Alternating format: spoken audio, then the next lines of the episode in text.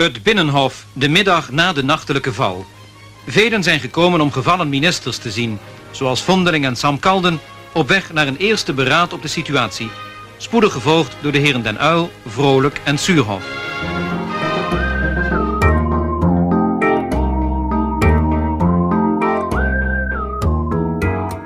Hallo allemaal, welkom terug bij het Raadspersoon, de wekelijks terugkerende geschiedenispodcast. Vandaag uh, ben ik weer de host natuurlijk en ik heb een gast die jullie al vaak hebben gehoord, Michael. Michael, welkom weer. Hey Paul. Fijn dat je er bent. Fijn dat je er bent. Het is een bijzondere politieke tijd uh, als we zo kijken. Hè, vorige week hebben we het gehad over Amerika natuurlijk, hè, wat daar allemaal gebeurt. En toevallig, of niet toevallig, valt natuurlijk uh, het kabinet afgelopen week. Uh, omtrent uh, belasting. Um, ja, hoe zeg je dat? Belastingding geval Toeslagenaffaire. Ja, precies. Ja. Ja. dus dat is best wel een bijzondere, bijzondere tijd. En, um, ja, nou eerlijk is eerlijk. Is het zo bijzonder? Dat ze vallen. Ik bedoel, een kabinet valt in Nederland. Hoe bijzonder is dat nou?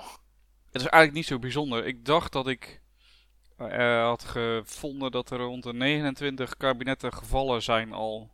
Dus het lijkt eigenlijk meer een soort uh, traditie dan dat het echt bijzonder is. Ja, daarom, hè. We, kunnen er best wel een, uh, een hoop opnoemen, denk ik.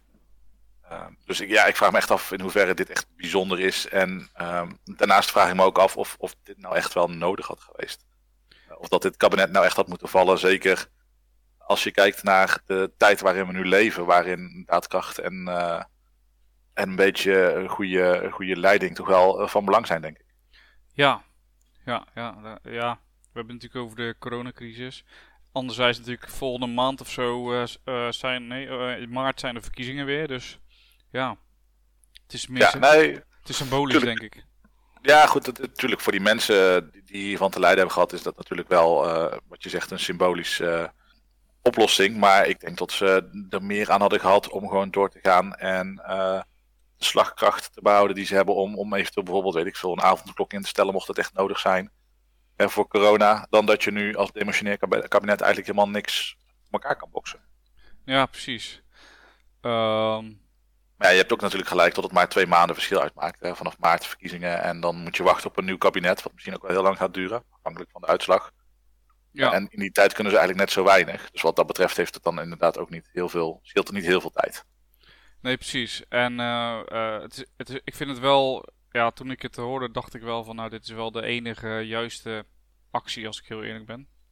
Um, dat je zeg maar op die manier je verantwoording pakt eigenlijk. Hè? Want uh, er wordt natuurlijk veel over de politiek ge gesproken, over hoe slecht het is of weet ik veel wat. Maar op deze manier laten ze wel zien van kijk, we nemen wel onze verantwoordelijkheid. Uh, tenminste, dat gevoel heb ik dan, als ik dit ziet.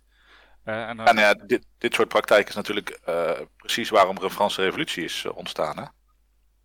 De, de overheid die, die te veel belasting uh, int, of in ieder geval die de bevolking uh, in zijn recht laat staan en, en die dus alle macht naar zich toe trekt en de bevolking eigenlijk een beetje in zijn koude kleren laat staan. Ja, dat is natuurlijk precies wat we, wat we niet wilden toen er nog een koning met uh, absolute macht aan de macht was. Ja, ja precies. En volgens mij is het in het buitenland ook niet echt, zeg maar, gewoon dat dit soort dingen gebeuren.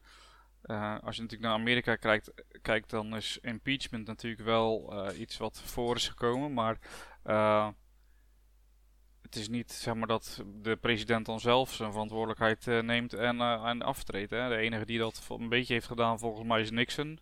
ook omdat hij niet echt anders kon natuurlijk na, na de Watergate-affaire. dat hij zich in ieder geval niet herkiesbaar heeft gesteld. Maar nog... Ja, en er was toen natuurlijk ook al een impeachmentprocedure opgestart. Hè? Dus hij heeft toen ook maar gewoon eieren voor zijn geld gekozen. Ja, precies. Dus het is wel, ja, het is wel een bijzonder gebruik eigenlijk wat we kennen in Nederland. Ja, maar ja, het is natuurlijk wel wat we net zeggen. De regering is verantwoordelijk voor zijn eigen beleid. En als dat beleid de burgers schaadt, dan, en in dit geval zelf de grondwet uh, overtreedt, dan moet je daar wel je eigen conclusies aan verbinden, denk ik. Ja, ja, zeker. Helemaal mee eens. Dus... Wat, wat vind je van het feit dat Rutte zichzelf wel gewoon weer verkiesbaar zet? Bijvoorbeeld een, een Ascher die treedt nou ook echt af als, als uh, lijsttrekker van de PvdA. Maar Rutte die blijft uh, wel gewoon aan. En stelt zich ook weer verkiesbaar bij de volgende verkiezingen. Ja, dat is een goeie. Dat is een goeie. Ja, ik denk dat... Ja, ik weet het niet zo goed. Ik, uh, ik snap het wel enerzijds. Hij, heeft, uh, hij, is nog, hij is eigenlijk nog niet klaar natuurlijk. Hij heeft uh, ons nu bijna een jaar door die crisis, de, de coronacrisis geholpen. Dus ik kan me voorstellen dat hij zoiets heeft van ik wil het eigenlijk nog wel afmaken. Ja, zelf heeft hij volgens mij gezegd, gezegd van laat de kiezer het zelf maar beslissen of ze nog vertrouwen hebben in me. Ja. Um, ik, ik, moet zelf zeggen dat ik het wel bijzonder vind na hoeveel schandalen eigenlijk de afgelopen jaren er voorbij zijn gekomen. Neem die bonnetjesaffaire, die mislukte uh, luchtaanval in uh, was het Irak geloof ik of Afghanistan. Ja. waar eigenlijk vind ik verrassend weinig aandacht naar uit is gegaan. Hè? Dat er gewoon burgerdoden zijn gevallen door een Nederlandse aanval. En daar heb je eigenlijk bizar weinig van gehoord. Ja. Um, na dat alles, en nu dit ook weer, blijft hij toch steeds maar uh, zitten. Dus ik vind het wel aan de ene kant ook heel bijzonder, maar aan de andere kant ook best wel knap van hem. Dat hij blijkbaar toch, uh, wat er ook gebeurt, eigenlijk wel het vertrouwen houdt van heel veel mensen. Ja, ja want uh, ik geloof dat in de peilingen dat de VVD weer een paar zetels erbij kregen. ja, nou precies dus inderdaad. Hè. Dus blijkbaar kan hij dan toch rekenen op een hoop goedkeuring van een hoop Nederlanders. Ja, ja. Maar ik denk dat het misschien zelf ook te maken heeft met een goed alternatief. Denk jij? Ja, ja, ja. er is natuurlijk weinig alternatief op dit moment. Uh, ik vind niet dat een van de andere leiders zijn niet echt leiders, zeg maar. Uh, als ik nee, eerlijk ben. Precies. tenzij je natuurlijk gaat voor iemand als uh, Thierry, Thierry Baudet, maar die, is, ja, die heeft wat mij betreft nog, nog meer afgedaan als dat hij al had. ja, die, ik ben inderdaad benieuwd hoeveel, hoeveel zetels die nog weten binnen te slepen. Want volgens mij stonden ze wel op een stuk of 25 voordat die crisis daar aan de gang ging. Ja, hij heeft natuurlijk, ja. Ik vind ik ook lastig, weet je wel. Ik, uh, ik was het niet eens met zijn wat hij zei, maar dacht nog van iets van, ja, weet je, je, je hebt ook een tegenstem nodig, hè, dat houdt je scherp. Maar nu, uh, na die, wat hij nu allemaal heeft uh, overhoop gehaald met die crisis, of met, die, ja, met, de, met het terugtreden, dan weer terug, dan weer toch wel nazisme-achtige uitspraken van de jongere tak die dan niet echt iets mee gedaan wordt. allemaal afsplitsing van allemaal mensen. Ja, ik denk niet dat, dat hij nog echt veel stemmen zal krijgen. Ja, er zijn wel een hoop mensen toch best geschrokken inderdaad. Hè? Ja, dat, ja, het is toch denk ik een wake-up call. maar dat, ik geloof dat we dat... met uh, Donnie heb ik dat toen ook wel eens besproken. Toen de FVD natuurlijk in de Eerste Kamer zo groot werd. Hè, dat, zo'n dat je vaak ziet dat zo'n kleine partij die in één keer heel groot werd, wordt. Dat die eigenlijk vanzelf ook weer uit elkaar valt. Omdat je toch allemaal mensen gaat neerzetten die dan achteraf er wel iets mee blijkt te zijn, zeg maar. Dat je daar niet genoeg tijd voor hebt om dat grondig op te bouwen. Dus ja, ik denk dat uh, Donnie daar toch gelijk in had toen we het daarover hadden. Ja, al moet ik zeggen dat de PVV nou op dit moment toch al behoorlijk lang volhoudt. Ik bedoel, daar zijn ze ook alweer, uh, hoe lang bestaat dat al? Een jaar of tien, denk ik? Ja, ja, zoiets. Maar het is maar een één, uh, er is maar één lid toch? PVV heeft maar één lid. Dat is ook alweer zo inderdaad. BVV vind ik ook zo'n partij. Kijk, uh, vorige verkiezingen hadden ze natuurlijk maar één A4'tje als partijprogramma. Zeg maar. Dus ik, dan denk ik van hoe serieus ben je dan? Mhm. En dan zit je daar eigenlijk alleen maar om dingen te roepen. En uh, ja.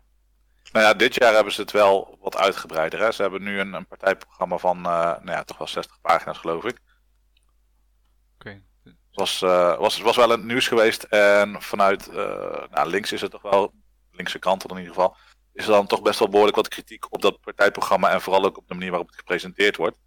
Uh, een van de dingen die bijvoorbeeld, uh, heb ik in de krant dus gelezen, ehm, in het partijprogramma stond, is dat het leger moet worden ingezet om de orde binnen Nederland gewoon te houden, handhaven, zeg maar. Dus ehm, leger niet inzetten op vredesmissies ergens anders, maar eh, ze dus in Nederland inzetten om hier gewoon eh, grensbewaking te doen en, en als orde in te zetten. Nou, ik ben benieuwd hoe, wat de boeren daarvan vinden.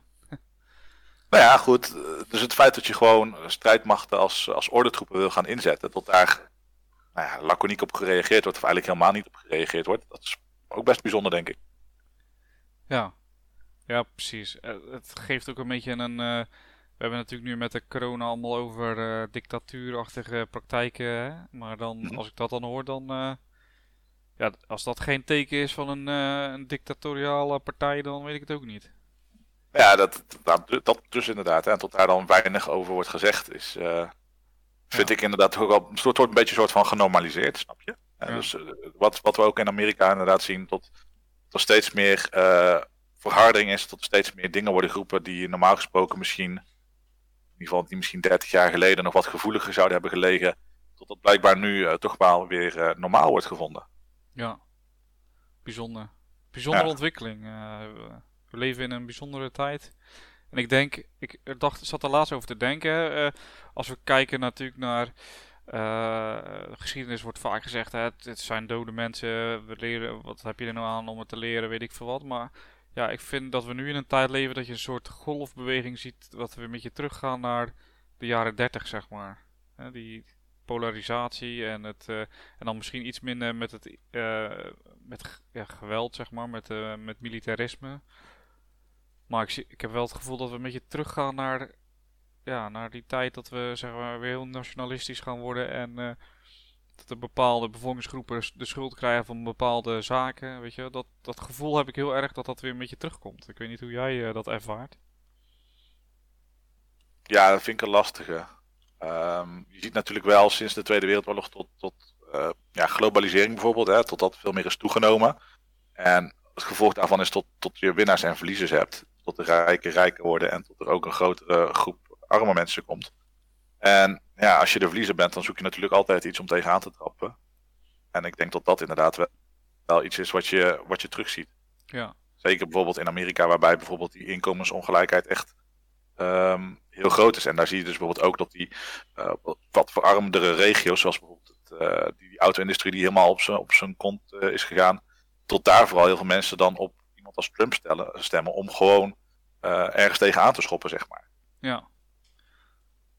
Dus, ja. maar ja, ik, ik denk dat best een ingewikkelde vraag om zo even nu te beantwoorden, denk ik. Ja, dat, dat is ook zo. Maar ja, de vraag is natuurlijk hoe, hoe gaan we ermee om? Hè? Uh, we zullen toch ook iets moeten met die gevoelens van die mensen. Uh, alleen soms uh, ja, het blijft natuurlijk lastig om met elkaar in gesprek te blijven op het moment dat de respect verdwijnt, zeg maar. Dus dat, Ja, nou, daarin zie je dus wel misschien wat dat er een rol voor geschiedenis is weggelegd. dat eh, we leven op dit moment in de meest welvarende tijd die er maar is, zo ongeveer. Ja. Um, ik krijg wel eens van, van leerlingen de vraag van, ja meneer, eh, als u nou elke tijd kon kiezen waar u in wilt, uh, waar zou kunnen leven, welke tijd zou u dan kiezen? Dan zeg ik van, nou ja, deze tijd. Uh, bedoel, we hebben gewoon onbeperkte toegang tot schoon water. Uh, ziektes, nou, even corona nu dan daar gelaten, maar ziektes zijn voor een groot gedeelte uitgeroeid. Communicatie gaat hartstikke goed, levensverwachting is hartstikke hoog. Ja, het gaat hartstikke goed. En, en heel veel mensen zien dus vaak ook niet hoe goed ze het eigenlijk hebben. Het enige wat ze zien is uh, influencers op social media die, die het nog beter hebben dan zij. En die in nog groter huis wonen en nog duurdere auto's hebben en nog mooiere kleren hebben. En ja, misschien moet je ook gewoon af en toe eens naar jezelf kijken naar wat je wel hebt en daar tevreden mee zijn. Ja. Ik denk dat dat relativeringsvermogen, want zo noem ik het dan maar even, dat dat een taak is voor de geschiedenis. Dat we bij onszelf toch wel eens moeten denken van, nou ja, ander heeft het beter, tuurlijk. Hè. Je moet voor jezelf ook altijd proberen om beter te maken. Maar bedenk ook gewoon even hoe goed je het wel niet hebt. Ja, ja helemaal eens. En uh, ik heb het wel eens geprobeerd, ook uh, in de podcast uh, was jij voor mij ook slachtoffer van, van het factfulness. Dat, um, ja, als je kijkt de ontwikkeling van eigenlijk alle landen, dat, dat zeg maar dat het gewoon steeds beter Het wordt allemaal steeds beter. Alleen goed nieuws, dat verkoopt gewoon niet. Want dat is dan het enige waar je mainstream media dan zou kunnen betichten, vind ik dan. En dat het goede nieuws uh, vaak uh, niet wordt getoond, waardoor het allemaal heel ellendig lijkt. Terwijl dat het eigenlijk beter gaat met de wereld als, als ooit. Ja, daar was ooit een uitspraak over gedaan door, hoe heet hij ook alweer? heel even, Mark Twain. En die zei over het nieuws van als je het nieuws niet leest, dan ben je niet geïnformeerd. En als je het nieuws wel leest, dan ben je gemisinformeerd. Ja. Zoiets. Ja, ja, ja. Ik weet dus... wat je bedoelt. Ja, ja. ja precies. Nou ja, het, um, ja. En daarom is mediawijsheid misschien op school ook wel een goede om echt, uh, misschien apart, daar heb ik ook wel eens discussies over gehoord, om mediawijsheid als apart vak in te gaan voeren op school, om, om zo um, die ongelofelijke toestroom van informatie, zodat kinderen dat, dat kunnen leren te filteren, zeg maar. Wat is waar, wat is niet waar, wat moet je geloven, hoe ga je je eigen onderzoek doen. Um, probeer niet alles zomaar aan te nemen wat je voor je, voor je neus ziet geschoteld. Ja. Dat zal misschien ook al een hoop schelen. Ja, dat denk ik ook. Het gevaar is alleen dat je dan nu eh, in die andere wereld terecht kan komen, die, waar, helemaal geen, eh, waar helemaal informatie wordt gegeven die niet klopt, maar dat je dat dan voor lief aanneemt, zeg maar. Ja, die, die fabeltjes van uh, Lubach. ja, precies. Ja, ja. Hoe blijf je daar dan uit? Hè? Want dat is natuurlijk, het wordt natuurlijk nu gezegd, ja, dat is een veelgehoorde term natuurlijk, hè? De, de schaap, jullie zijn schapen, zeg maar. Mhm. Dan vraag ik me af, ja, maar jullie zijn zelf ook schapen, want jullie lopen zelf ook achter, uh, achter onzin aan, zeg maar. Dus waar je iemand anders van beticht, hè, uh, mensen die dan naar het nieuws kijken van beticht, dat doe je zelf ook, maar dan kijk je naar uh, iemand als Lange Frans bijvoorbeeld. Ik denk, ja, wie is er nou, nou, moet ik zeggen tot het op het gebied van corona natuurlijk wel lastiger is, want daar zijn nog gewoon niet echt absolute waarheden in, in te vinden. De, de, regering loopt zelf ook nog te zoeken en het OMT naar ja, wat zijn nou de juiste cijfers? welke interpretaties zijn nou het beste? Um, dat is best lastig volgens mij, zeker omdat het nog nooit eerder is voorgekomen. Um, dus daar is heel veel ruimte inderdaad voor mensen om daar hun eigen draai aan te geven. Ja, ja is ook zo. En ja, ik denk dan bij mezelf altijd wel zo van, ik, ik probeer wel vertrouwen te houden in de overheid. De overheid is er voor ons. En uh, nou, de val van het kabinet waarmee begonnen heeft nou dan ook wel aangegeven dat Um, zodra er inderdaad fouten worden gemaakt waarbij burgers het slachtoffer zijn, dan treedt het kabinet ook af. En uh, kun je opnieuw als burger je stem laten horen om iemand anders uh, het vertrouwen te geven. Dus ik, ik geloof wel in onze democratie en dat, dat de regering het beste met ons voor heeft. Dus ik geloof niet zozeer in de complottheorieën dat, dat er een nieuwe, een nieuwe dictatuur of, of weet ik veel nee. politie staat gevestigd moet gaan worden. Nee, dat het uh, satanistische kinderbloeddrinkende dictatuur gaat worden, zeg maar. Dat, geloof je niet. nou ja, goed, ik, ik, geloof best dat er, uh, tot er shady business uh, gaande is bij, bij een hoop mensen die in de top van de elite zitten. Ik bedoel, macht corrumpeert altijd. Dus er zal echt wel iets gaan, er zal genoeg gaande zijn wat de daglicht niet kan verdragen. Mm -hmm. um, maar ja, lever maar het bewijs zou ik zeggen. Ja. Ja, want dat is weinig niet. Maar goed. Ja, ja goed, als je, als je kijkt inderdaad naar Amerika met die, uh, met die mensen die blijven volhouden dat die regering uh, niet, uh, niet eerlijk is verlopen. Als je bij meer dan 60 rechtszaken verliest, dan moet op een gegeven moment toch wel een lichtje gaan branden, denk ik. Ja, dat het niet zo is.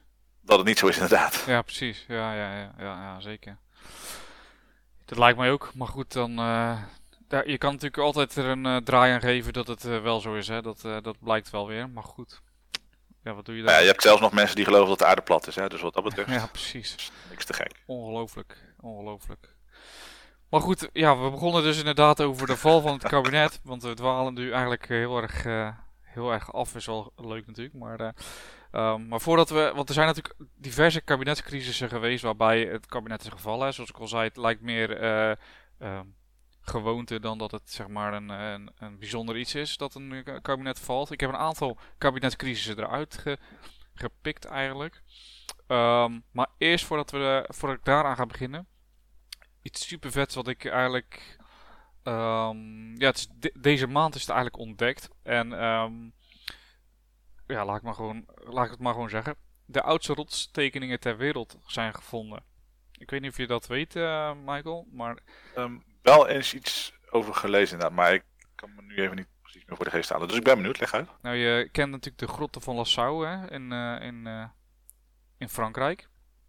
Waarbij de grottekeningen zo'n 15 tot 30.000 jaar oud zijn. Um, en die grot is gevonden, ik dacht in 1940. en na de Tweede Wereldoorlog uh, is het heel kort open geweest voor publiek, maar het bleek dat zeg maar, de ademhaling voor, van mensen dat dat uh, zorgde voor schimmels en weet ik het wat. Dus het is inmiddels weer gesloten. De, de rots, grottekeningen zijn wel nagemaakt, dus die zijn terug te vinden in andere delen voor die grotten.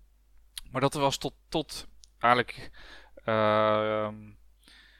uh, december 2017 was dat eigenlijk uh, sowieso de, de oudste grottekeningen ter wereld waren dat. Allemaal beesten stonden erop. er stonden wat ja, niet herkenbare tekens. Er stonden wat tekens op, stonden dieren op, stonden mensen op. Het is niet helemaal duidelijk wat nou de bedoeling is van die grottekeningen. Of dat nou enerzijds een soort catalogus moet zijn voor beesten die gevangen zijn. Of anderzijds dat het een soort mythische betekenis had. Dat als je die tekeningen maakt, dat je dan meer vangst had. Hè. Dat is nog niet, ja, 100% uh, is dat niet uit te sluiten. Blijft natuurlijk een interpretatie. Maar in 2017 is dus een grot ontdekt met, um, met uh, grottekeningen. En uh, vorige maand, nee deze maand dus, want het is nog januari, is dus ontdekt dat die tekeningen rond de 45.000 jaar oud zijn. Dus die zijn gewoon bijna twee keer zo oud als, als de grottekeningen in uh, Frankrijk. En die zijn gevonden op het Indonesische eiland Sulawesi. Dus dat, Indonesië? Ja, oh. in Indonesië. Dus dat is super vet, vond ik dat eigenlijk om, om te lezen. Want ze weten natuurlijk ook niet wie uh, de tekeningen gemaakt heeft. Het zijn, het zijn wel mensachtige soorten. Er zitten ook handen bij, bijvoorbeeld afdrukken van handen staan erop. Er staan allemaal beesten op ook die, die natuurlijk leefden in die tijd. Dus dat is ja, super interessant dat dat helemaal in Indonesië gevonden is. Ja. ja ik moet wel zeggen, ik vind het altijd bijzonder als ik zo naar die kaart kijk van de verspreiding van de mensheid door de wereld heen. Dat de mensen inderdaad eerder in Australië bijna terecht is gekomen dan in Europa vanuit Afrika. Dus wat dat betreft kan het wel kloppen inderdaad tot, uh, tot daar rond die tijd al mensen zijn geweest. Ja, dat moet wel wel. Zeker nu met deze, met deze tekeningen. Ja, ja eh, ik had het nog niet gevonden inderdaad, maar het werpt wel weer een nieuw blik op uh, ja, hoe mensen in die tijd leefden waarschijnlijk. Ja, ja precies. Want waar zijn de plaatjes, wat, wat voor soort afbeeldingen zijn het? De handen zei je net al, maar wat nog meer? Um, nou er staan handen op. Er staat een, uh, een, best wel gedetailleerde tekening ook van een, van een vrattenzwijn. Hè? Dus ook op het gezicht zeg maar, zijn gewoon de vratten ook getekend. Dus het is dus vrij gedetailleerd. En er staan natuurlijk wat andere beesten op. Um, die vandaag de dag ook nog steeds voorkomen op, in Indonesië. Ehm, dus dat is, wel, ja, dat is wel super interessant natuurlijk. En, maar de vraag blijft natuurlijk, waarom maakten ze die tekeningen? ik vind dat zelf wel altijd wel leuk om daarover te fantaseren, zeg maar. Maar ik denk niet dat we ooit een 100% uitsluitsel kunnen geven van waarom die tekeningen dan zijn gemaakt. Ja, er zijn inderdaad verschillende theorieën over. En het lastigste van de prehistorie is natuurlijk dat er inderdaad geen geschreven bronnen zijn. Dus dat je eigenlijk alles gewoon over moet laten aan interpretatie. Um, zo is er bijvoorbeeld ook een, uh, een graf gevonden, in, ik geloof in Zuid-Amerika was het ergens. Um, waarbij um, uh, dus een vrouw is begraven, maar die vrouw is dus begraven met allerlei jachtvoorwerpen. Ja. Waardoor dus de discussie niet weer aangezwengeld wordt van, uh, nou in de geschiedenisboekje staat nu dat het vooral de mannen waren die gingen jagen en de vrouwen die bleven uh, thuis en die deden alleen aan verzamelen. Dus voor de kinderen en die gingen verzamelen. En deze vondst, die, doet nu dus weer de theorie opwerpen dat vrouwen ook meededen aan de jacht. Um, en dat dus eigenlijk heel die verdeling van genders, dat dat helemaal niet aan de orde was. Ja, super vet. Ik heb dat inderdaad ook gelezen. Ja, dat is toch bijzonder. Eigenlijk ook wel logisch natuurlijk enerzijds, denk ik. Dat je in zo'n jagers-verzamelaars samenleving dat het eigenlijk geen reet uitmaakt wie die jaagt. Hoewel mannen natuurlijk fysiek gezien daar misschien meer geschikt voor zijn. Maar Ja, maar goed, er is natuurlijk ook weer discussie over of, of dat klopt. Hè. Misschien was het gewoon een, een, de vrouw van een hoofdman of zo die ook met spullen is begraven. Hè. Dat is dan weer de andere kant. Dus dat het helemaal niet hoeft te betekenen dat vrouwen ook meededen aan de jacht. Ja. Uh, maar ja, dat is dus het nadeel van de prehistorie. Alles draait om interpretatie. Ja, ja precies. Maar de, ja, zo, zo, zo, zie je natuurlijk ook dat onze blik op die periode in de geschiedenis ook vaak natuurlijk kan veranderen. Uh, omdat je steeds nieuwe feiten naar boven haalt. En dan moet je. Ja, ik vraag me ook altijd af in hoeverre ons eigen, uh, ons eigen zeg je dat, uh, perceptie, hoe dat invloed heeft op hoe we de geschiedenis zien. Hè? We zien nu tegenwoordig in onze huidige tijd dat die man-vrouw patronen tot dat ook steeds meer vervaagt. Hè? Dus dat vrouwen gelijk zijn aan mannen en dat vrouwen ook gewoon kunnen gaan werken en noem het allemaal maar op. Terwijl dat misschien 50 jaar geleden, toen we nog dachten over jagers en verzamelaars, als ja, mannen jagen en vrouwen die gaan verzamelen. Um, terwijl mannen inderdaad ook aan het werk gaan en vrouwen thuis voor de kinderen zorgen. En in hoeverre die rolpatronen dan, die bij de tijd horen, dan ook onze blik op, op de geschiedenis beïnvloeden. Ja. ja, nou ja, maar dat is natuurlijk standplaatsgebondenheid waar je het nu over hebt. Hè? Ja, het presentisme noem je dat. Ja, ja dus, uh, dat is altijd de vraag natuurlijk. Het zijn interessante vraagstukken. Misschien dat we over uh, 100 jaar heel anders denken over uh, de geschiedenis als nu. Ja, dat hoop ik wel. Ja, dat zou wel mooi zijn, want dat betekent dat we nieuwe dingen ontdekt hebben. Ja, of het betekent dat wij nu al gelijk hebben en dat het dan gewoon allemaal stopt. Ja, Dat zou ook jammer zijn. ja. Ja, ja anderzijds. Het is wel leuk om gelijk te hebben, toch? Ja, Oké. ehm, even terug naar de kabinetscrisis. eh, Want daar, eh, dat is toch wel het hoofdonderwerp, denk ik, van, eh, van de podcast. Ehm, en ik heb een beetje teruggezocht in, het, in de geschiedenis. En er zijn een aantal crisissen die ik eruit heb gelicht. De eerste die ik kon vinden was uit, in, uit, 19, of uit 1860. Dus dat is de grondwetswijziging van 1848. Die zorgt er natuurlijk voor dat we een beetje ehm, ja, de overheid eh, zien ontwikkelen zoals we die nu kennen. En 1860 is dan eigenlijk min of meer de eerste kabinetscrisis die dan ook min of meer wordt veroorzaakt door koning Willem III. Die op dat moment eh, onze koning is uiteraard.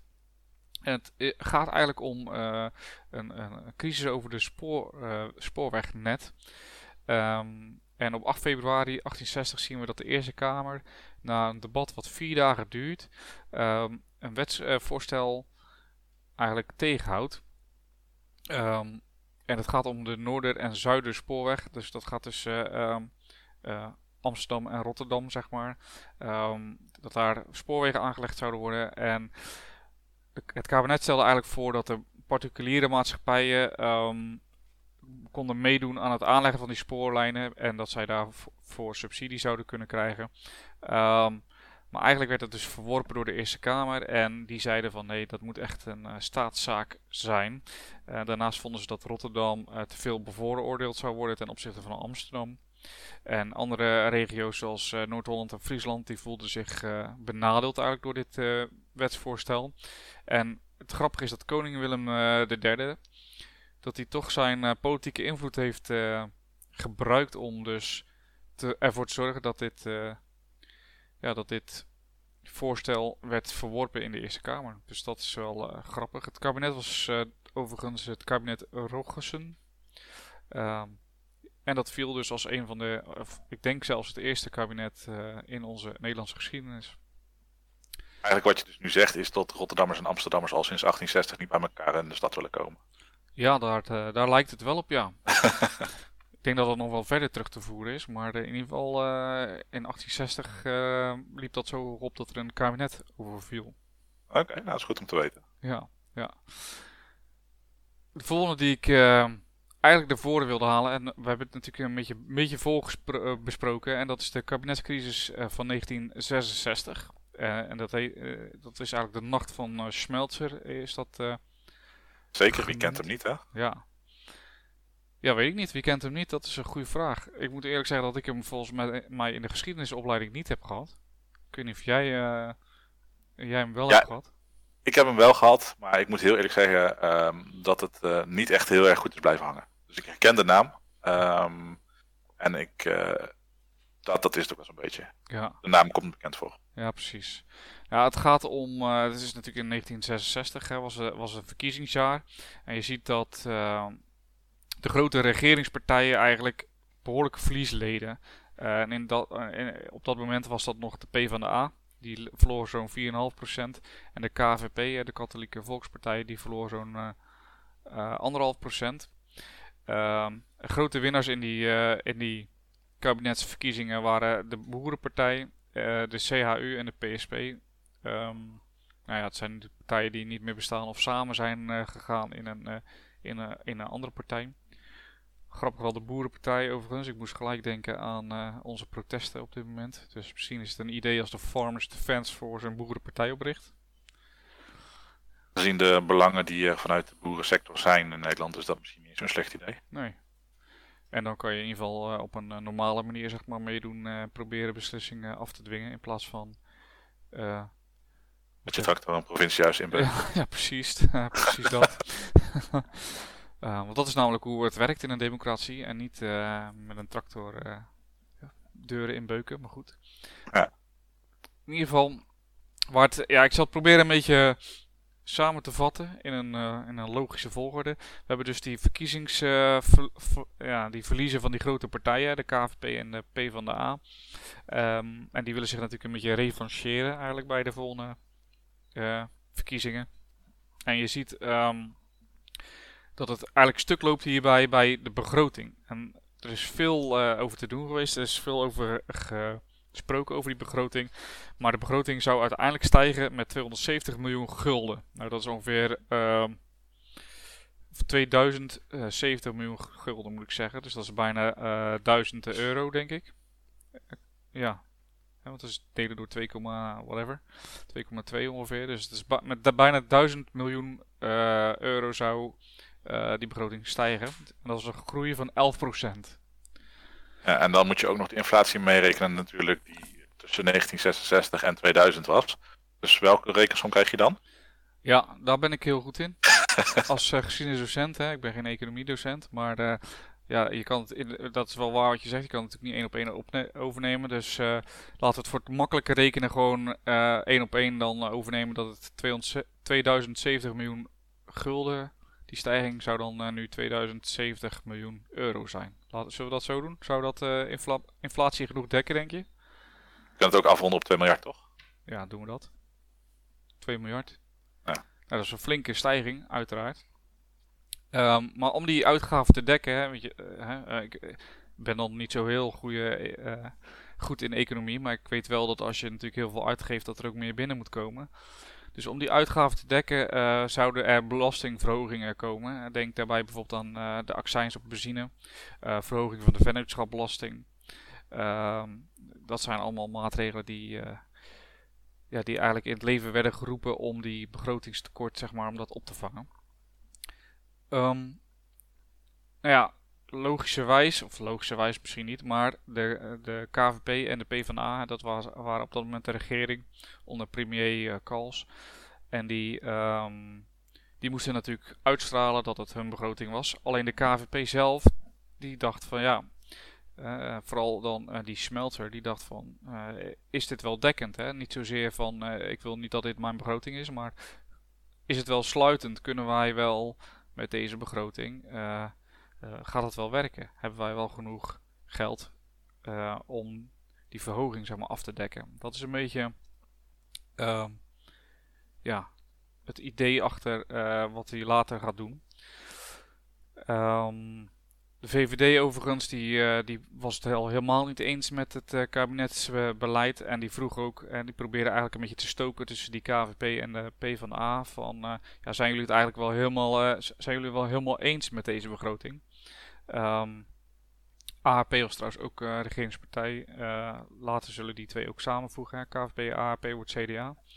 Maar in ieder geval, uh, die VVD-fractieleider probeerde daar dus een weg tussen te drijven.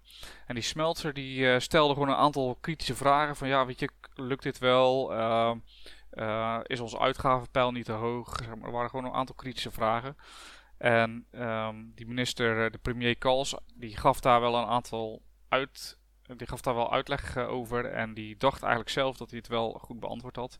Maar je ziet eigenlijk dat in die, in die avond van ja, wanneer die, die discussie is geweest, zeg maar, van 13 oktober uh, eh, 1966. Die uh, ging ervan uit dat die antwoorden voldoende waren. En die vroeg ook een aantal keer van, ja, zijn jullie het, hè, KVP, AP, zijn jullie het ermee eens? Kunnen wij, staan jullie achter dit beleid? En die Smeltzer, um, die gaf, uiteindelijk vond hij dus dat die vragen niet genoeg beantwoord worden. En die stemt, of die geeft dus een motie in, en waarin hij stelt van... Um, ja, ik ben. Weet je, het is geen motie van wantrouwen, maar ik ben het niet eens met hoe de uitgavenprioriteiten zijn en hoe we dat uh, proberen te dekken. Um, dus daar moet iets beters voor komen. Um, dat moeten we gewoon herzien. Nou, dat is eigenlijk de motie van, uh, van Smelter. Um, ik weet niet of het interessant is of, om die motie voor te, te lezen. Het is natuurlijk oud-Nederlands. Ik denk dat je het wel, wel redelijk, uh, redelijk goed hebt samengevat. Ja. Dus, um, maar die premier Kals, die, uh, het is inmiddels is het al vier uur s'nachts, die, uh, die verzoekt eigenlijk uh, om de vergadering te schorsen om vier uur s'nachts. En ja, die zegt ook, ik zie deze motie zie ik als een motie van wantrouwen. Nou, vervolgens wordt er gestemd. uiteraard de, de, de, tegenpartijen, de oppositiepartijen, die stemmen massaal voor die motie. waardoor eigenlijk, ja, premier Kals, zeg maar het zo ziet dat de motie die uh, Smeltzer dus heeft ingediend, dat die, dat, dat motie van wantrouwen is en dat de meerderheid daarmee eens is. Met andere woorden, we moeten aftreden. Um, dus dat. Um, het is wel grappig, want uh, het is wel. De, de, gevolgen namelijk van die, van die nacht van Smeltzer zijn wel groot. Hè, de PvdA zet een wat linkse be, uh, beleid in. Um, die gaat, die, de, de, achterban die was al wat langer um, voor een wat linkse beleid. Maar je ziet na, na, die, na die nacht van Smeltzer dat, nog, dat dat echt door gaat zetten. Um, je ziet ook dat de D66 wordt opgericht. Nou, die partij kennen we nog steeds, hè, de D66. Um, dus ja, de nacht van Smeltzer. Now you know. Now you know. Het is wel um, interessant dat ook de polarisatie eigenlijk die we nu wat meer kennen, dat dat, dat ook in die nacht eigenlijk ontstaan is. Hè? Uh, dat er een, de politiek steeds scherper tegenover elkaar komen te staan. Dus dat is wel. Uh... Ja, ook een grotere versplintering. Hè? Wat je net al zei, is eh, voor die tijd had je uh, redelijk stevige basis. Hè? Elke partij die wist redelijk goed waar zijn, waar zijn stemmers zaten. Was ook gewoon nog lid van de partij, echt de verzuiling nog. En je ziet wel dat tot, het, tot er steeds een grotere versplintering van het politieke landschap is. Hetzelfde als wat we nu met de huidige verkiezingen ook gaan zien, is dat het heel moeilijk gaat zijn, denk ik, om een, uh, om een coalitie te vormen van ja, maximaal drie partijen. Het vorige kabinet moest ook al uh, volgens mij vier uh, partijen aan te pas komen. Dus je ziet wel tot, tot steeds meer mensen um, eigenlijk niet weten waar ze op willen stemmen. En tot het politieke landschap echt heel erg versplinterd raakt. Ja, ja precies. Um, ik ben ook heel benieuwd hoe dit aankomende ja, hoe de aankomende verkiezingen eruit gaan zien. Daar ben ik wel benieuwd naar. Weet je zelf al wat je gaat stemmen trouwens? Nee, ik weet het nog niet. Jij wel? En, uh, ik was traditioneel getrouw eigenlijk altijd een soort van D66 stemmer, maar daar ben ik er wel een beetje van afgestapt. Uh, GroenLinks is ook niet helemaal wat ik zoek, dus ik, ja, ik, ik neig naar de PvdA. Hangt een beetje vanaf welke lijsttrekker natuurlijk komt nu. Ja. Um, maar ik, ja, ik zit er altijd wel iets, iets aan de linkerkant en er is op dit moment niet heel veel te kiezen, moet ik zeggen. Nee, ja, ik, uh, ik ben van, uh, van huis uit een beetje een zwevende kiezer eigenlijk, moet ik eerst zeggen. Uh, van huis uit misschien niet, maar wel na, nadat ik het huis uit ben gegaan. ik, mijn ouders stemden volgens mij altijd CDA. Oh, zeker omdat ze niet P van de A waren, maar ik ben toch wel echt van de scheiding van kerk en staat. Dus mm -hmm. ja. ja. ik ben niet... ik, ik zou In principe is dat ook het uitgangspunt van CDA natuurlijk, hè? Ja, maar ik vind dat ze nu. Uh, ja, ik weet het niet. Ik, ik vind niet. Het is natuurlijk een christelijke democratische appel. Ja, maar het is niet zo dat ze met de Bijbel in de hand uh, wetten staan. Te, nee, nee, het is geen. Uh, hoe heet het? het is geen SGP, zomaar zeggen. Nee, dat is waar. Maar ik zou sowieso nooit op een partij. ja, ik vind het moeilijk. Ik vond de CDA heeft wel altijd wel. ik heb wel Balkende gestemd bijvoorbeeld. Maar ik heb toen ook, uh, ik heb ook een keer op uh, VVD gestemd. Ik heb op D66 een keer gestemd. Dus ik ben echt een zwevende kiezer. En ik ga, uh, ja, ook nu weet ik het nog niet 100%. Dus ik ga dat nog. Uh... Proef je toch wel een beetje rechts van het midden als ik je zo hoor. Ja, dat denk ik wel. Hoewel ik wel steeds linkser word, moet ik eerlijk zeggen. Maar dat Komt dat maar, denk je? Ja, dat is een goede vraag. Dat is een goede vraag. Het is toch. Uh... Ja, ik weet het eigenlijk niet. Ik, uh, ik denk er wel eens over na. Ik weet dat ik vroeger veel rechtser was. Uh, en dan niet zozeer racistisch rechts, zeg maar. maar ja, Zorg dat je je eigen boontje maar weet te doppen rechts. Ja, ja en, wat, en, ook een beetje progressief, zeg maar. En maar nu ben ik toch weer... Maar nu, nu, je wordt ook ouder, dus dan wil je weer een beetje... Het ja, maar je merkt ook wel tot, tot steeds meer conservatieven ook aan de rechterkant gaan zitten. Ja. En tot juist links iets meer progressief te worden. Ja, precies. Dus je ziet een beetje verschuiving. Ja, ik vind het moeilijk. Ik weet niet precies uh, waarom, waarom dat zo verschuift. Je wordt ook ouder, je krijgt ook andere standpunten. Je wordt wat zachter soms. je wil wat meer zorgen ook voor mensen. Ik weet het niet. Misschien daarom. Dat is wel een uh, mooie gedachte. Andere, andere beroepsgroep ook, hè? Nu, tegenwoordig. Nou, er staat niet heel veel meer voor de klas, toch? Nee, oké. Maar ik ben nog wel eh, gelinkt aan het onderwijs. Dus eh, Ja, nee, je ziet inderdaad wel dat het onderwijs redelijk links is wat dat betreft. Ja. In ieder geval als ik naar mezelf kijk. Eerlijk zeggen dat ik hier met mijn collega's nooit zo heel veel over praat. Misschien moet ik dat te doen. Ja, wel, eh, levert misschien interessante onderwerpen op. Of onder, in- interessante gesprekken op. Ja. Zolang het bij constructieve gesprekken blijft natuurlijk. Nou, ik denk niet dat mijn collega's eh, en ik op de vuist gaan met elkaar. nee? Dat zou wel interessant zijn, maar Oh, een schorsing bij de leerplicht. Ja, dan denk ik ik beter een andere baan kan zoeken. Ja, ja. Maar goed. Eh, Nacht van Smelter dus. Ehm, de volgende die ik wilde belichten is de Nacht van Wiegel. Ik weet niet eh, eh, hoe bekend jij daarmee bent. Het is wel de meest obscure. Je had ook gewoon voor Srebrenica kunnen kiezen, hè? Oh ja, wil je daarover hebben? Srebrenica? Nee, het, is, het is jouw feestje. Ga vooral eh, wat, je hebt, eh, wat je hebt klaargezet. Ja, ik vind Srebrenica natuurlijk zo'n... ehm, ja, ik denk dat we dat allemaal wel weten. En ik heb een beetje geprobeerd te trachten om eh, wat onbekendere te doen. Nee, je Eh, hebt helemaal gelijk. Dus eh, we gaan door met de Nacht van Wiegel. Oké. Eh, misschien kan je straks kan je een kleine toelichting geven wat eh Srebrenica dan was. Eh, doen we eerst even de nacht van Wiegel, want dat was op eh, in een nacht, zeg maar avond slash nacht eh, van 18 op 19 mei 1999. En de aanleiding is eigenlijk een grondwetswijziging ter invoering van een correctief referendum. Nou, wat houdt dat in? Het correctief referendum houdt in dat burgers zouden moeten kunnen stemmen over eh, bepaalde, hè, want een referendum is dat burgers eh, eh, kunnen stemmen hè, over bepaalde besluiten die zijn genomen of die worden genomen door, de, ehm, door de Tweede Kamer. Dus eigenlijk een beetje een bindend referendum, om het zo maar even te, te benoemen. Ehm, het zou eigenlijk een middel moeten zijn om overheidsbeslissingen tegen te kunnen houden. We kennen natuurlijk de trias politica, waarbij eh, de bedoeling is dat alle drie de punten elkaar in evenwicht proberen te houden. Dat er niet één te veel macht zou krijgen. Nou, dit is dus echt een, ehm, een middel zodat de burgers eh, min of meer overheidsbeslissingen dus kunnen omdraaien. Dat de burgers wat meer macht krijgen om de overheid te controleren, zou je kunnen zeggen.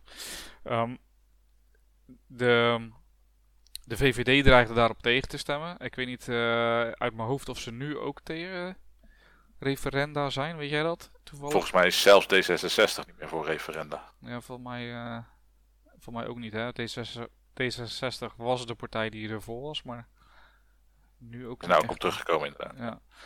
ja, goed. In ieder geval, eh, op dat Ja, moment... we, we hebben, in alle eerlijkheid, we hebben nou ook gewoon wel kunnen zien dat die referenda ehm, eigenlijk niks meer of minder te zijn dan, dan een groep mensen die zijn achterban het meeste weet op te zwepen. Ja. We hebben het gezien met het eh, Oekraïne-referendum en met het verdrag van Lissabon. Geloof ik dat dat was, toch? Ja, Ehm, en waarbij allebei gewoon kaart nee is gestemd. En dat je gewoon ziet dat heel veel mensen dan een proteststem gaan doen zonder dat ze weten waar het eigenlijk over gaat. Eh, dus in die zin denk ik wel dat het verstandig is als we geen bindend referendum eh, ja, precies. Ik denk dat, ik denk dat je daar gelijk in hebt. Kijk, als iedereen zou stemmen, maar dat gebeurt gewoon niet. Eh, dus is het ook geen... Ja, en je vraagt mensen gewoon ook om te stemmen over hele ingewikkelde eh, zaken. Ja, Eh, ik bedoel, ik heb dat verdrag van Oekraïne ook niet door, doorgelezen. En er zullen vast heel veel ehm, goede redenen voor zijn waarom je inderdaad nee had moeten stemmen. Ja, ja.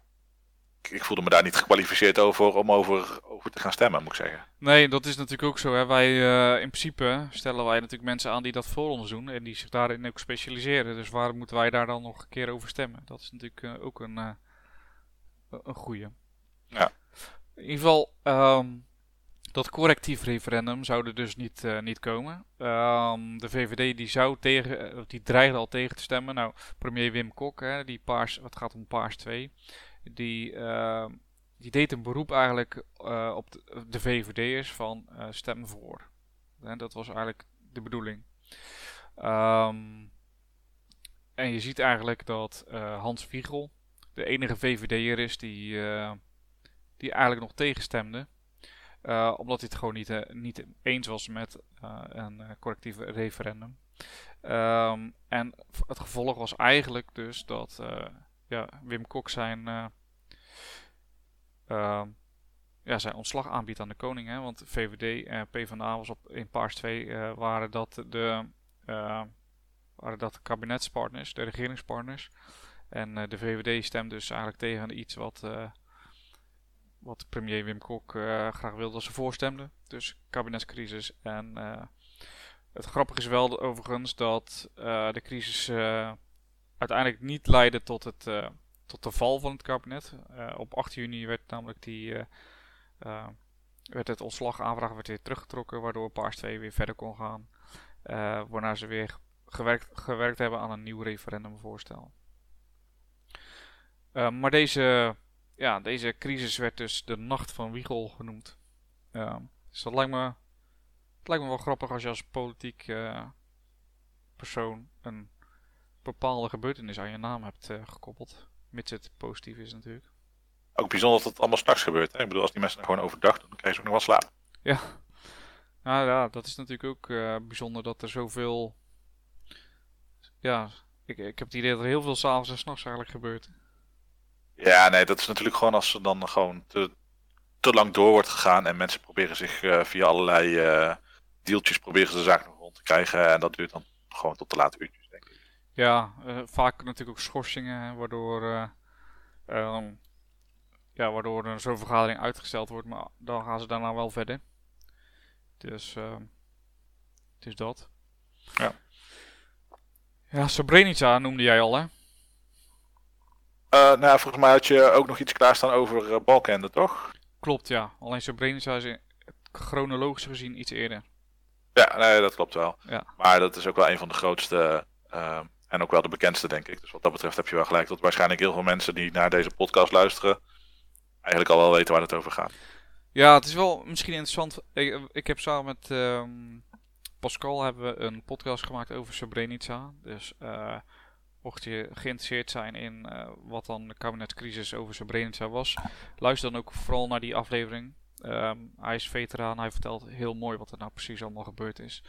Um, en uh, uiteraard, uh, de crisis gaat over het feit uh, dat Srebrenica geval, zeg maar, gevallen is, terwijl dat daar Nederlandse militairen waren om, om, ze te, om te beschermen. En dus die enclave is gevallen, waarbij er een, um, de Bosnische Serviërs een, ja, hoe noem je dat? Een uh, massaslachting. Ja, een massaslachting hebben voor, ja, volbracht, zeg maar, op de moslimbevolking, op de mannen vooral. Um, ja, dat leidde uiteindelijk tot, uh, tot uh, een uh, rapportage en onderzoek, het NIOT-rapport. en um, ja, uiteindelijk tot de kabinetscrisis en de val van het kabinet. Ja, en daarom, wat ik aan het begin van de podcast ook al zei, uh, dat we nu ook een situatie hebben waarbij een Nederlandse operatie heeft gezorgd voor, gezorgd voor een hoop burgerdoden in, ehm, in het buitenland, uh, ja, tot daar gewoon eigenlijk heel weinig aandacht voor is gekomen. En tot, het, tot er ook vanuit het uh, kabinet ja, niet heel erg op gereageerd is. In ieder geval niet dat ik me kan herinneren. Dat vind ik bijzonder. Ja, ja. ja enerzijds eens, anderzijds volgens mij viel het qua aantal slachtoffers uh, in verhouding met een uh, massaslachting zoals in Srebrenica wel mee. Uh, Volgens mij waren het er een stuk of 80. Ja. Het zijn er inderdaad geen 3000, maar nee nog steeds best een behoorlijk aantal, denk ik. Ja, dat is waar. Ja, moeilijk. Ja. De laatste is eigenlijk het uh, eh, Oeruzkan-besluit. Um, het leidde uiteindelijk uh, uh, tot de val van kabinet Balkenende 4. En Balkenende is een van de langzittende pre premiers ook overigens. wat leuk feitje. Um, in 2006 begon namelijk uh, Nederland met een, uh, met een missie in Oeruzgan. Um, uh, volgens mij werd gevraagd door de NAVO om die missie te doen. Hè. Dat is ook de reden waarom wij überhaupt missies in het buitenland doen. In, in, verband met de NAVO natuurlijk. Um, en uiteindelijk blijkt dat um, de PvdA die wilde niet afwijken van het uh, besluit om tot 2010 te, te blijven. En uh, eh, CDA die, uh, ja, die stond daar anders tegenover. De NAVO deed ook een officieel verzoek. Of dat Nederland de missie kon verlengen tot augustus 2011. Um, CDA die stond daar positief tegenover, de PvdA absoluut niet. en uiteindelijk zorgde dat ervoor dat de CDA de besluitvorming wilde ja, over, de, over de verkiezingen wilde tillen. Uh, PvdA was het daar niet mee eens, die trapte er niet in. En die forceerde eigenlijk een, een besluit in februari. En ja, het kabinet viel. Ze waren het niet met elkaar eens. De twee partijen die dus samen moesten werken, die, die, die hadden geen vertrouwen meer op elkaar. En uh, kabinet Jan-Peter Balkenende 4 viel. En dat ja, is. Ja, maar dit is ook wel een beetje de crux. Hè? In het begin maakte hij een beetje de vergelijking van volgens mij gebeurt het in andere landen niet zo heel veel. En vergelijking met Amerika vooral. En dat is gewoon ook vanwege het feit dat daar geen coalities worden gemaakt. Daar winner takes all. Je hebt een president die is of democraat of republikein. En in, het, uh, in de Senaat en het Huis van Afgevaardigden heb je ook maar twee partijen. Dus je wordt ten alle tijden wordt je of tegengewerkt of, uh, of je hebt een soort van vrije brief. Zoals Joe Biden nu op dit moment gaat krijgen. Um, en het, gebeurt vrij zelden dat daar leden van de andere partij stemmen tegen het partijbelang, zeg maar. Terwijl hier moet je natuurlijk gewoon in grote lijnen moet je met meerdere partijen moet je een coalitie zien te maken. Moet je overeenstemming zien te bereiken over wat je nou als plan wil, wil hebben. Um, maar ja, er gebeuren natuurlijk altijd dingen die je niet voor, hebt voorzien. En er gebeuren ja, dingen waar je geen plan voor hebt gemaakt. En dan zie je wel dat die, inderdaad die partijideologieën vaak tegenover elkaar, elkaar komen staan. Ja, en dat leidt dan re regelmatig tot een crisis. Ja. Um, het zijn bijna, uh, zijn bijna 30, uh, volgens mij 29 uh, kabinetscrisissen sinds het begin van, zeg maar vanaf 1860, vanaf de eerste die ik net al behandeld heb. Dus dat zijn er behoorlijk wat. Ja. Het is natuurlijk, aan de ene kant is de, de sterkte of de kracht van ons, van ons politieke systeem. Dat we, ja, van, dat we proberen met elkaar een consensus te bereiken. Aan de andere kant is het inderdaad een valkuil het moment dat je natuurlijk zo'n crisis hebt, of iets hebt wat je gelijk moet uh, tackelen, dat je daar natuurlijk ja, verschillende um, ideologieën tegenover elkaar hebt staan. Toen hoe de oude Romeinen dat oplosten? De Romeinen? Aha. Uh, trial by combat? nee, nee, daar was natuurlijk vroeger ook van, uh, je hebt de Senaat en er zijn twee consuls en die hebben allebei een veto. Dus als de ene iets doet wat de ander niet bevalt, dan kun je hem tegenhouden. En dus op die manier hadden ze ook een systeem waarin eigenlijk uh, ja, niet één persoon alle macht kon krijgen. Um, en op die manier moest het toch overlegd worden om tot de juiste besluiten te komen. Dat is een beetje wat wij nu ook hebben. Ja. Maar Romeinen hadden natuurlijk ook gewoon zo'n eigen crisis en, en problemen. En dan hadden de Romeinen hadden een manier waarop ze toch besluitvaardig konden worden. Interessant. Ik ben benieuwd. Ik ken alleen de, het schervengerecht van de Grieken, maar... Nee, de Romeinen die stelden een dictator aan. ja. Dus op het moment dat er dan een, een, grote oorlog kwam of een grote crisis waarbij dus snel gehandeld moest worden, dan uh, werd een van de consuls werd dan, uh, tot dictator benoemd en die had dan tijdelijk alle macht. Oké. Okay. En nou ja, we weten wel met welke di dictator dat geëindigd is natuurlijk. Ja. Wel Julius Caesar. Ja. Interessant. Misschien een idee. Ja, dus laten we Jan-Peter Balkenende nu alle macht, eh, of uh, Jan, Mark Rutte bedoel ik, uh, nu alle macht krijgen? Of, Ja, dat is de vraag dan weer, hè. Dan krijgen we dat weer. Nou ja, zolang het bij op pannen slaan bij de Hofvijver blijft, is het niet zo erg, denk ik.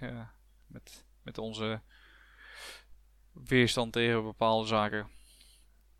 Zolang het dat is inderdaad, dan moet het goed komen. Precies. Nou, dat waren, het is best wel een lange uitzending geworden eigenlijk. Uh, we hebben best wel wat behandeld ook. Allemaal over de politieke geschiedenis van Nederland. Um, bedankt voor het luisteren in ieder geval allemaal. Michael, jij bedankt voor je, voor je input weer. Graag gedaan. Ik hoop binnenkort weer, weer een keer met je om de tafel te zitten voor, voor de podcast. Altijd leuk. Ik werk vanuit huis, dus moet ja, ja, precies. ja, ja, ja, dat is zo. Hè, dat moet ik nog even benoemen. Deze aflevering is coronaproof opgenomen. Dus vrees niet, wij hebben geen corona, we zitten niet bij elkaar. We doen het via, vanaf afstand. Dus Ja, dan rest mij niets anders dan jullie allemaal te bedanken voor het luisteren weer. En uh, ik hoop dat jullie de volgende week weer bij zijn in een nieuwe aflevering van het Raadspension. Heb je nog vragen, uh, opmerkingen, uh, onjuistheden? Hè? Want ook wij zijn maar mensen die, die wel eens wat dingen fout kunnen hebben. Stuur dan een mailtje naar geschiedenis.paulushistoricus.nl Of volg mij op YouTube, Twitter, Instagram, whatever. Je kan me overal vinden. schroom niet om contact te zoeken. En dan uh, zien we jullie volgende week weer terug.